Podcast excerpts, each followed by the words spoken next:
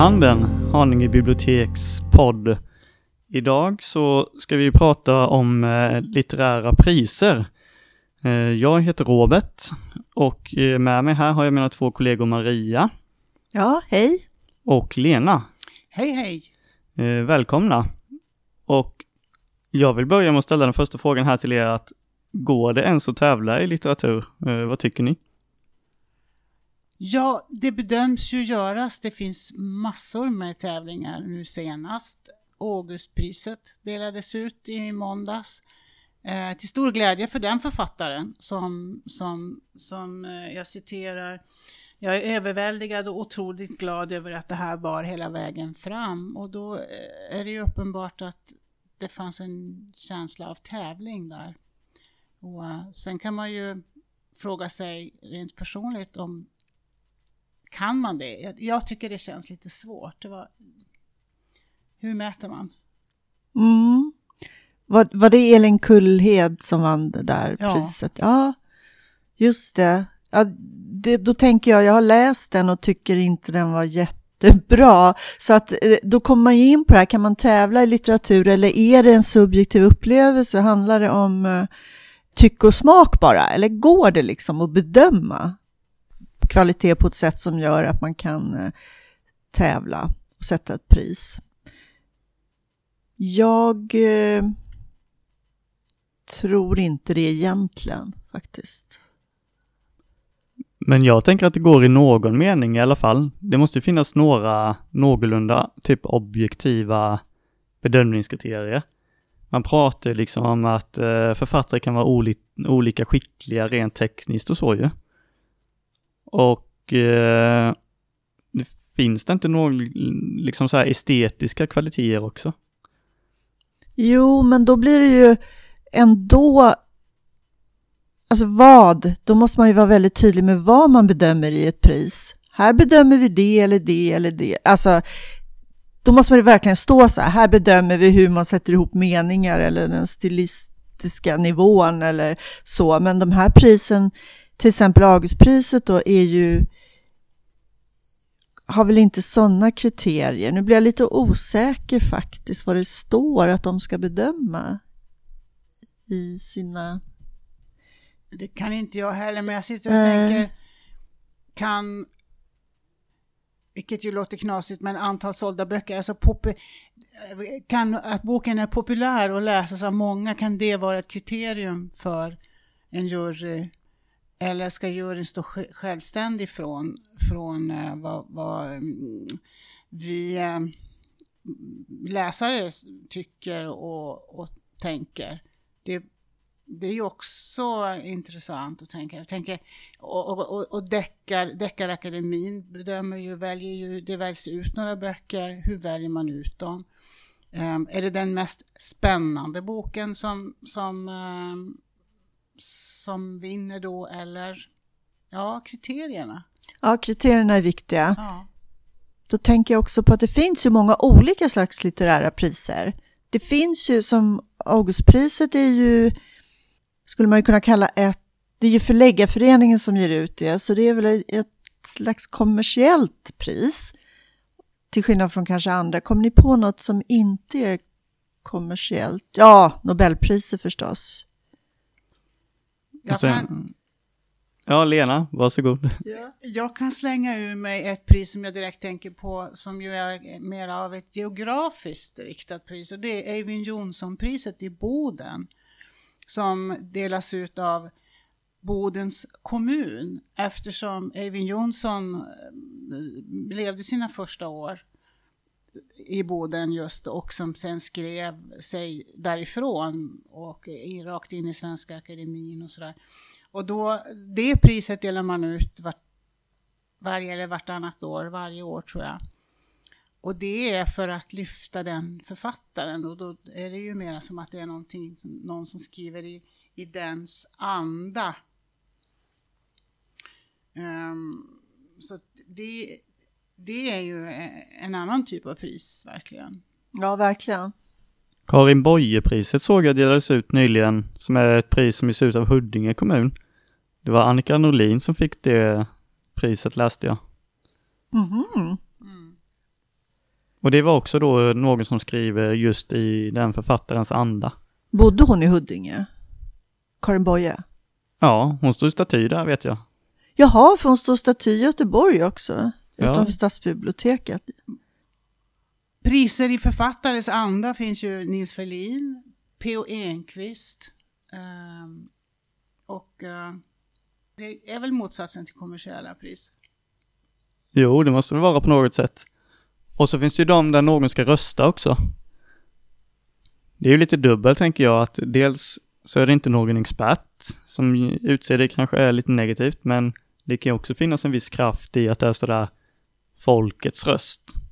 Det kan man ju höra när folk som vinner Jerringpriset eh, till exempel. Mm. Årets bok. Och då är ju det definitivt kommersiellt. Eh, det är ju Bonnier-företagen som, som eh, har det priset. Och då ska du, kan du gå in på deras hemsida och rösta på, i år var det väl en fem stycken. Och du kan ju rösta hur många gånger som helst. Och det är väl så med Jerringpriset också, tänker jag. Hur många gånger som helst på Ja, samma... alltså det, det, är bara, det är liksom bara att, att skicka in, du klickar på författaren, på bokens namn och eh, lägger din röst och så får du ett svar nu har ni röstat och välkommen att rösta igen. Jag gjorde det själv och den boken jag röstade på vann inte, men den boken som vann eh, tyckte jag var definitivt värdig. Vilken röstar du på då? Jag röstade på Rotvält och Tove Alsterdal och det var stöld av Ann-Helén Lestadius som, som tog hem priset, vilket tycker jag är glädjande. Det är ju inte kanske någon som man tänker... ehm, ja, det är ju inte en, en Lucinda Riley eller någon sån jättepopulär. För mina fördomar säger mig att Bonniers bokklubb där läser man böcker som många andra läser. Och jag tror att Stöld kanske egentligen inte var en sån bok. Jag hade den i min, i min bokcirkel privat. Så, så jag har läst den i alla fall. Ja. Jag visste inte om att den var nominerad till pris, men det var ju roligt att, att höra. Att jag och min klubb vi har. Ni har en vinnare, ni har läst en vinnare. Ja, Ja, och det är, är då att vinna, är det viktigt För författaren? För, för författaren? Elin Kulled i alla fall? Ja, Jag vet inte. säkert för Elin Kulleds förläggare också. Ja, förläggarna måste ju bli Mm. glada. För jag utgår ifrån att böcker som vinner olika priser säljer mer, men det är, har jag liksom ingen statistik på. Jag har inte underbyggt det, det är bara vad jag tror.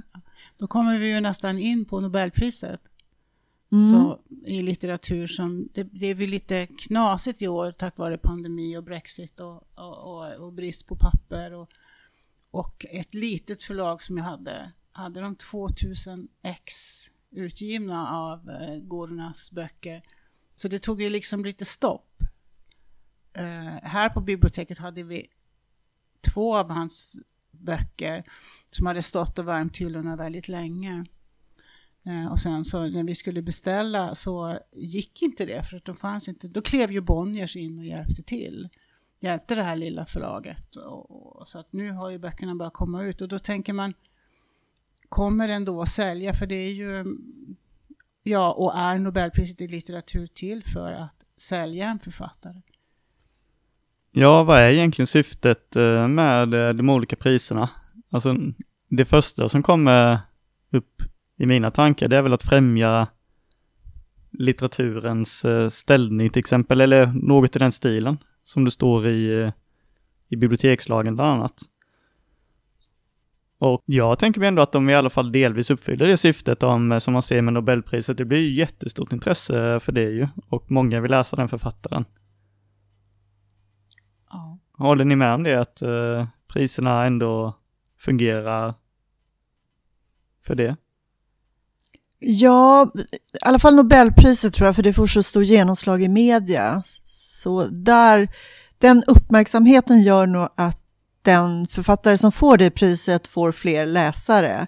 Sen om de läsarna tycker om, att, om boken eller inte eller så, men jag vet från när jag jobbade i bokhandel att då sålde alltid Nobelpristagaren. Därför folk är åtminstone nyfikna eller tycker att det hör till att läsa en Nobelpristagare. Men jag tänker också på att det är så många olika priser och att alla får ju inte jättestor uppmärksamhet.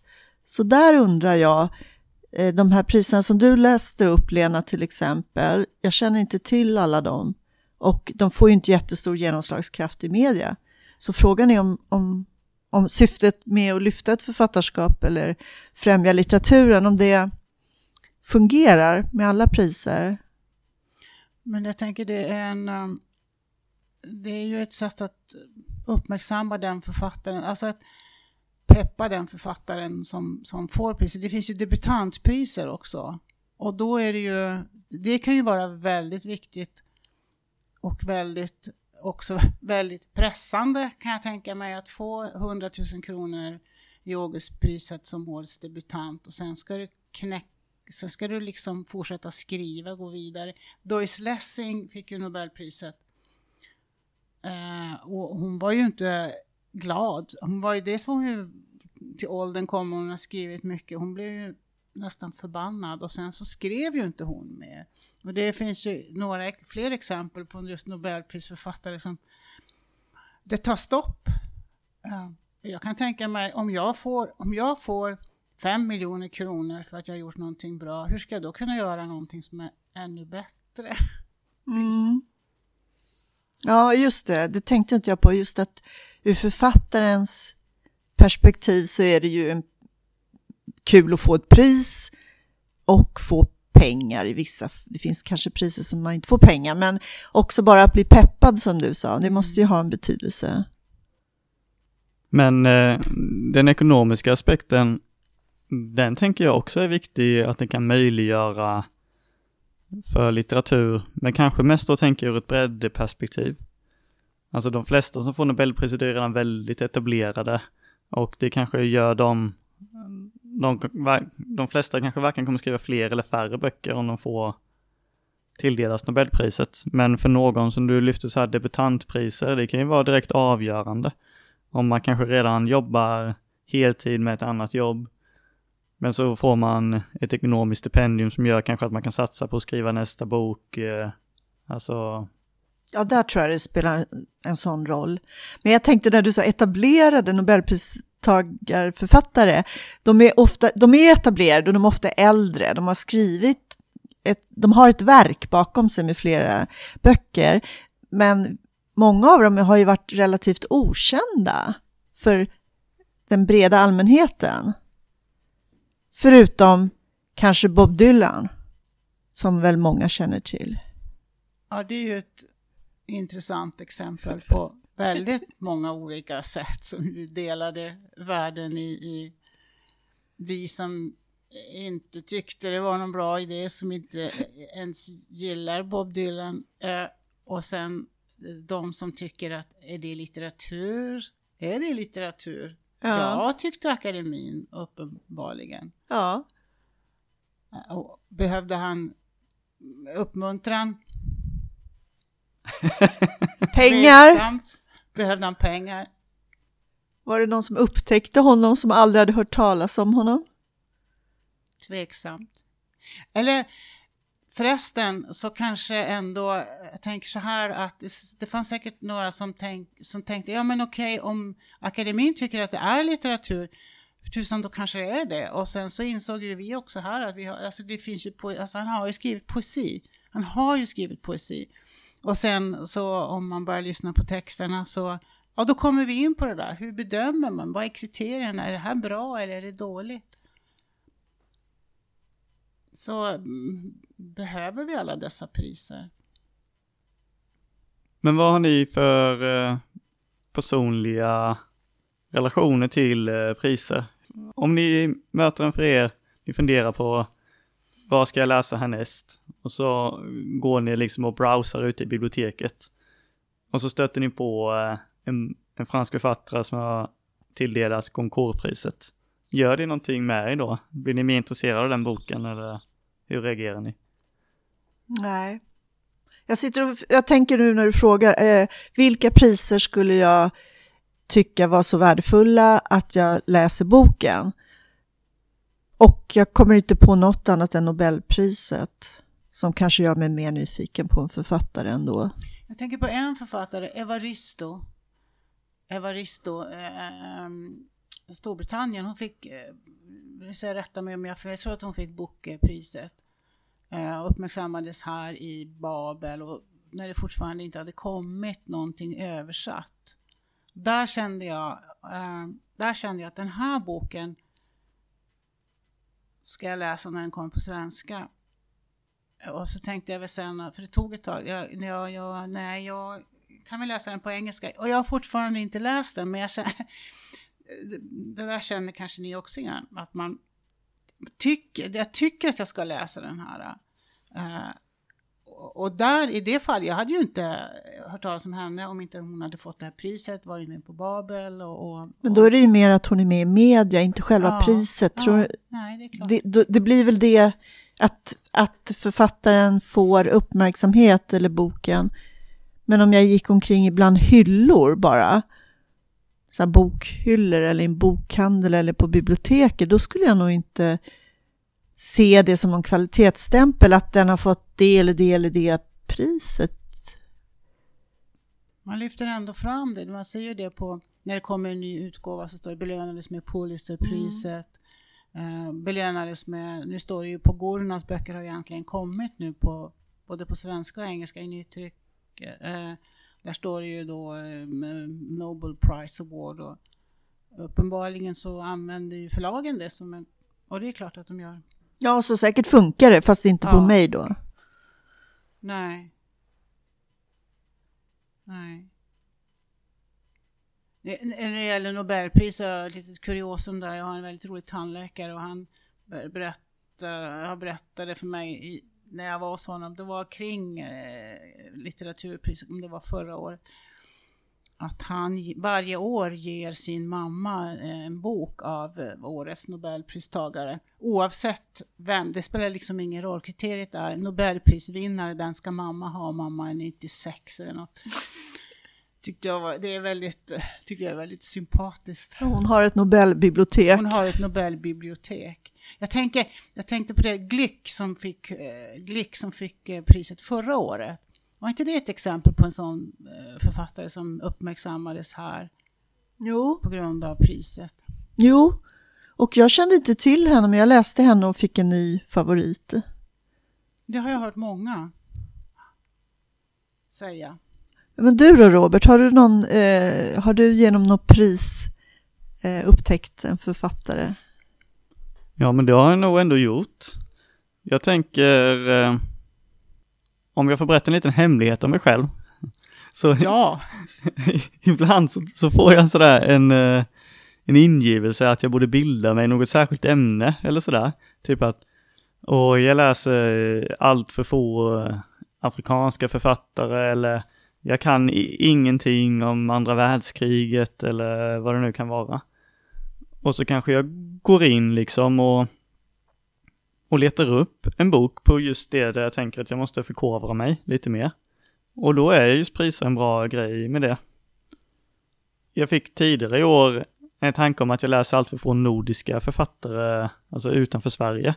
Och då kollade jag på Nordiska rådets eh, eh, nomineringar och såg att eh, pengar på fickan, här nu har jag glömt vad författaren heter. Asta Olivia. Nordenhof? Ja, en dansk författare. Ja. Och då valde jag liksom den, för jag tänkte jag skulle läsa någon av de som är nominerade. Så så har det fungerat lite för mig. Och ibland också, ja, jag är ju bibliotekarie då och liksom arbetar ju, en av mina arbetsuppgifter är att köpa ny litteratur. Om det kommer så här böcker som jag tänker är lite intressanta, om de också då har fått ett pris, då tänker jag att det är ändå en, en liten extra stjärna i kanten sådär, om jag tänker att det är intressant för mig själv att läsa privat också. Så ibland om jag har flera böcker som jag funderar på att läsa, då kan den som har fått ett pris ändå få mig liksom tippa över kanten att det blir just den. Och sen Nobelpriset har ju en särställning ändå. Eh, det läser jag en del böcker och Nobelpristagare bara för att ja, de har fått just det priset så. Men jag tycker inte det var en sån hemsk hemlighet som du bar på. Att du vill förkovra dig. Nej, Tycker kanske inte. Det var bra att den kom fram. Ja, Men kärleken till litteraturen ska vara sådär ren, att man läser bara för liksom läslustens skull, så det känns Aha. att det blir såhär något instrumentellt, men eh, ja. Men du ska ju lära dig någonting av det du läser. Jag tycker det låter väldigt klokt. ja. ja. Tack ska ni ha hörni. Ja, i alla fall när jag var så här 20-årsåldern, då, hade jag, då, då var, tänkte jag, nu ska jag avslöja en hemlighet, då tänkte jag att jag skulle läsa alla Nobelpristagare. Under, så det gjorde jag väl i tio år. Jag kommer ihåg en som hette Claude Simon, som var, jag inte förstod någonting av. Det tog liksom ett år att komma igenom en roman. De är ganska tunna. Tunna eller tunga? Tun, tunna, få sidor. Har du något skräckexempel på någon du har läst för att du ska, för att du ska ha lite mer? Modiano Ja. fick ju Nobelpriset för några år sedan. Och så följde jag med honom och vandrade genom Paris i en bok. Och så tänkte jag, mm, nästa bok kanske handlar om något annat, men han, han fortsatte att ta mig genom Paris. Och så jag tänkte jag ska inte läsa fler. Och alla böcker, det, det, var, det var svårt, men det var för att, den läste jag för att den hade fått, han hade fått priset. Jag tänkte det kan ju vara, verka spännande, men Eh, Men jag hade kunnat blivit, jag hade kunnat blivit glad. Mm. Och då ska man ju komma på, ska vi kunna ha något exempel på Mm. Just det där, någon som det har, där, jag har blivit, där vi har blivit överraskade. Och eh, vi har läst den för att vi tycker att vi ska läsa den och sen wow, vilken bok! Ja. Ska jag börja? Maria, Ja, jag hittade ju Singer, Isaac Bashevis Singer på det sättet. Jag tror han fick Nobelpriset på 80-talet. Så jag älskar honom, jag läste varenda bok av honom då. Och eh, blev intresserad, och på den vägen också blev intresserad av jiddisch och eh, öst, Österop, judiska eh, sådana här eh, samhällen i Östeuropa, Shettle och hela judiska kulturen och sen in på andra världskriget och så vidare. Så att det har betytt jättemycket för mig. jag läste också Singer när han fick priset där, men jag tror att det bara blev en. Men jag minns att jag tyckte väldigt mycket om den. Sen av någon anledning så jag gick inte samma väg som du där, men, men det var ju ett jättebra exempel. Men han är ju relativt lättillgänglig också. Han är ju ingen experimentell eller håller på med formen och så. Ehm, Så det kan ju vara det, att det är ju en berättare. Att han ändå var lättillgänglig. Men jag tror att priser också kan göra att böcker eh, förblir relevanta, där de har fått ett pris också, eller författarskap. Att de blir ihågkomna och aktualiserade, liksom. Jag åkte tåg eh, för ett par veckor sedan och då satt en person och läste Mo Yan. Oj! Och då tänkte jag, kommer ni ihåg han fick eh, Nobelpriset? Eh, Hur länge sedan är det nu? Har det gått tio år? Ja, något sånt. Och jag blev väl glad att det satt någon och läste en jättetjock bok från Kina eh, på tåget. Eh, och det tror jag inte att någon hade gjort om inte han hade fått det. det är min, jag vet ingenting om den här människan, det var en främling. Men eh, ja, det värmde mitt lilla bibliotekariehjärta. Men är det inte, kan det inte vara så med just med Nobelpriset, när det kommer, när det väl eh, kommer fram vem som har vunnit priset, så aktualiseras själva priset. Vi är på biblioteket uppmärksamma, vi är väldigt noga med det och i år tog vi, plockade vi ju fram böcker från väldigt länge och liksom letade upp sånt som eller kanske legat i glömska. Att man plockar upp, att det kan vara just en sån sak. Att, Ja, jag kanske inte, och nu då speciellt när man inte får tag i årets Nobelprisförfattare så tänker man, ja, men då läser jag någonting som har varit, och det var ju rätt mycket rabalder kring den författaren också och det ekar äkar ju fortfarande i, i akademin. Det som hände kring när han fick priset och översättningen. Och hur kunde han få det? Och personlig... Eh, malm, översättaren till svenska, de var ju faktiskt vänner. Och, är det okej? Så.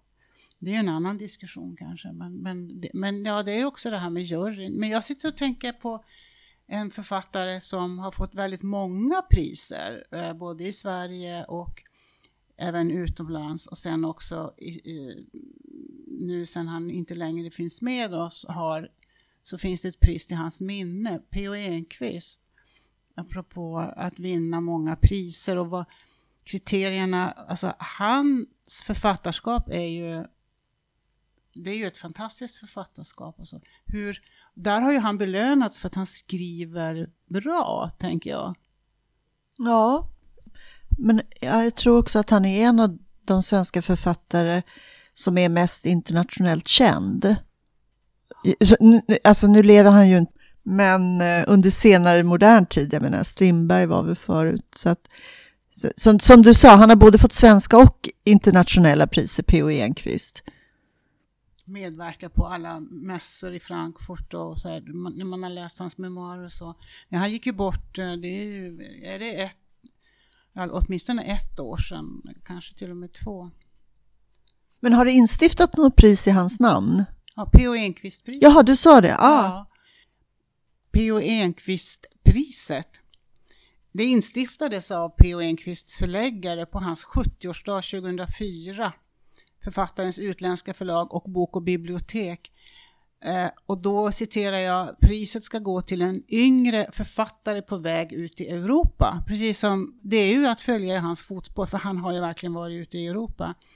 Och vet, det är ju många fina unga författare som har fått och lustigt nog så var det faktiskt Asta Olivia Nordenhof som fick oh. det i år. Och den prissumman var på 5000 euro bra exempel på att hur vi kan också knyta ihop. Och det är ju ett kriterium som känns rätt okej, okay, eller? Ja, det känns jättebra. Mm. Men ja, ändå att det inte var en svensk författare då som eh, med P. Enquist. Det var lite roligt att det finns... Men det var någon inblandad där i... Eh, det är ju även hans eh, hans utländska förlag. Så att det är uh, på väg ut i Europa kan ju vara från Österrike till Sverige till England till Norge. Alltså, det är ju också fint. Det är ju liksom större än Nordiska rådets pris på det sättet. Mm. Och jag tror att det är så att det är inte bara tidigare heller tid, svenska. Carolina Ramqvist har fått det något år. För några år sedan. Vet ju... du vilken som sitter i juryn? Nej, det Nej. vet inte jag, men jag skulle tro Alltså bok och bibliotek, att det är någon representant. Det är bok och bibliotek, då menar man väl med, alltså bokmässan? Ja. Eh, också hans utländska förlag, så det är väl förläggare då? Jag menar, ofta vet man ju inte vilka som sitter i juryn. Nej. Slår det mig nu. Och det är också en aspekt på hur mycket tillit man sätter till ett pris. Mm. Det finns ju politiska priser också. Tucholsky-priset till exempel. Är det svenskt? Ja, det är svenskt. Och, eh, det, och det, då är det Svenska PEN. Och då delas det ut på The Day of the Imprisoned Writer. 15 november, vilket var nyligen. Och i år gick det till en eh, belarusisk poet, Dmitrij Strotsev. Och eh, prissumman vet jag inte riktigt. Men jag tror att det är en peng där också och det, jag tänker i om man är i den positionen, situationen att, och får ett Tucholsky-pris, då, då, då har man säkert en del uh, problem med ja, kanske att leva i exil och familjeförsörja och belarusisk poet. Ja. Just det. Priser kan vara politiska i allra högsta grad. Tänker på eh, satansverserna och sådär. Rushdie var det väl? Ja. Vilket ja. år var det? Det var också på 80-talet någon gång. Det känns, väl, det känns väldigt länge sedan och det, mm. har, ju, det har ju aldrig riktigt... Uh, det såret har ju aldrig riktigt läkt. Och den eh, eh, debatten pågår ju nu i, den är väldigt aktuell det här, om man kan skilja på person och verk nu i Sverige med eh, den här gangsterrappen framför allt, men också Nobelpriset och Peter Handke till exempel. Tycker ni att man eh, kan skilja på person och verk när det kommer till priser och så? Det är en jättestor och svår fråga, tycker jag. Ehm, jag har nog svårt för det, men i princip tycker jag att man ska kunna göra det. Fast jag som person har svårt för det. Om det är någon som har stått för någonting jätte... Som jag, som strider mot mina värderingar väldigt mycket. Då har jag svårt att tycka om den författaren. Men samtidigt så finns det författare som jag tycker mycket om som jag inte delar alla åsikter med men som jag ändå tycker är jättebra författare som Hamsun och Strindberg. Och, alltså det finns ju författare man kanske inte delar allt med deras syn på allting. Så man ändå tycker om och ty kan läsa, men däremot om det... Jag, jag vet inte, jag måste passa på den frågan. Jag tycker också att det är en, det är en, det är en svår fråga. Spontant så känner jag också att eh, det är tusan om man ska belöna rapartister som, som Yasin till exempel. Eh, svårt och hand, Handske kände jag att jag där kände jag att nej, den här gubben vill jag inte läsa. Det gjorde jag. Och sen precis som du säger, princip, egentligen om man ska vara en bra människa med en, en, en sund moral och liksom då, då ska det ju inte spela roll. Då ska man ju kunna men ja.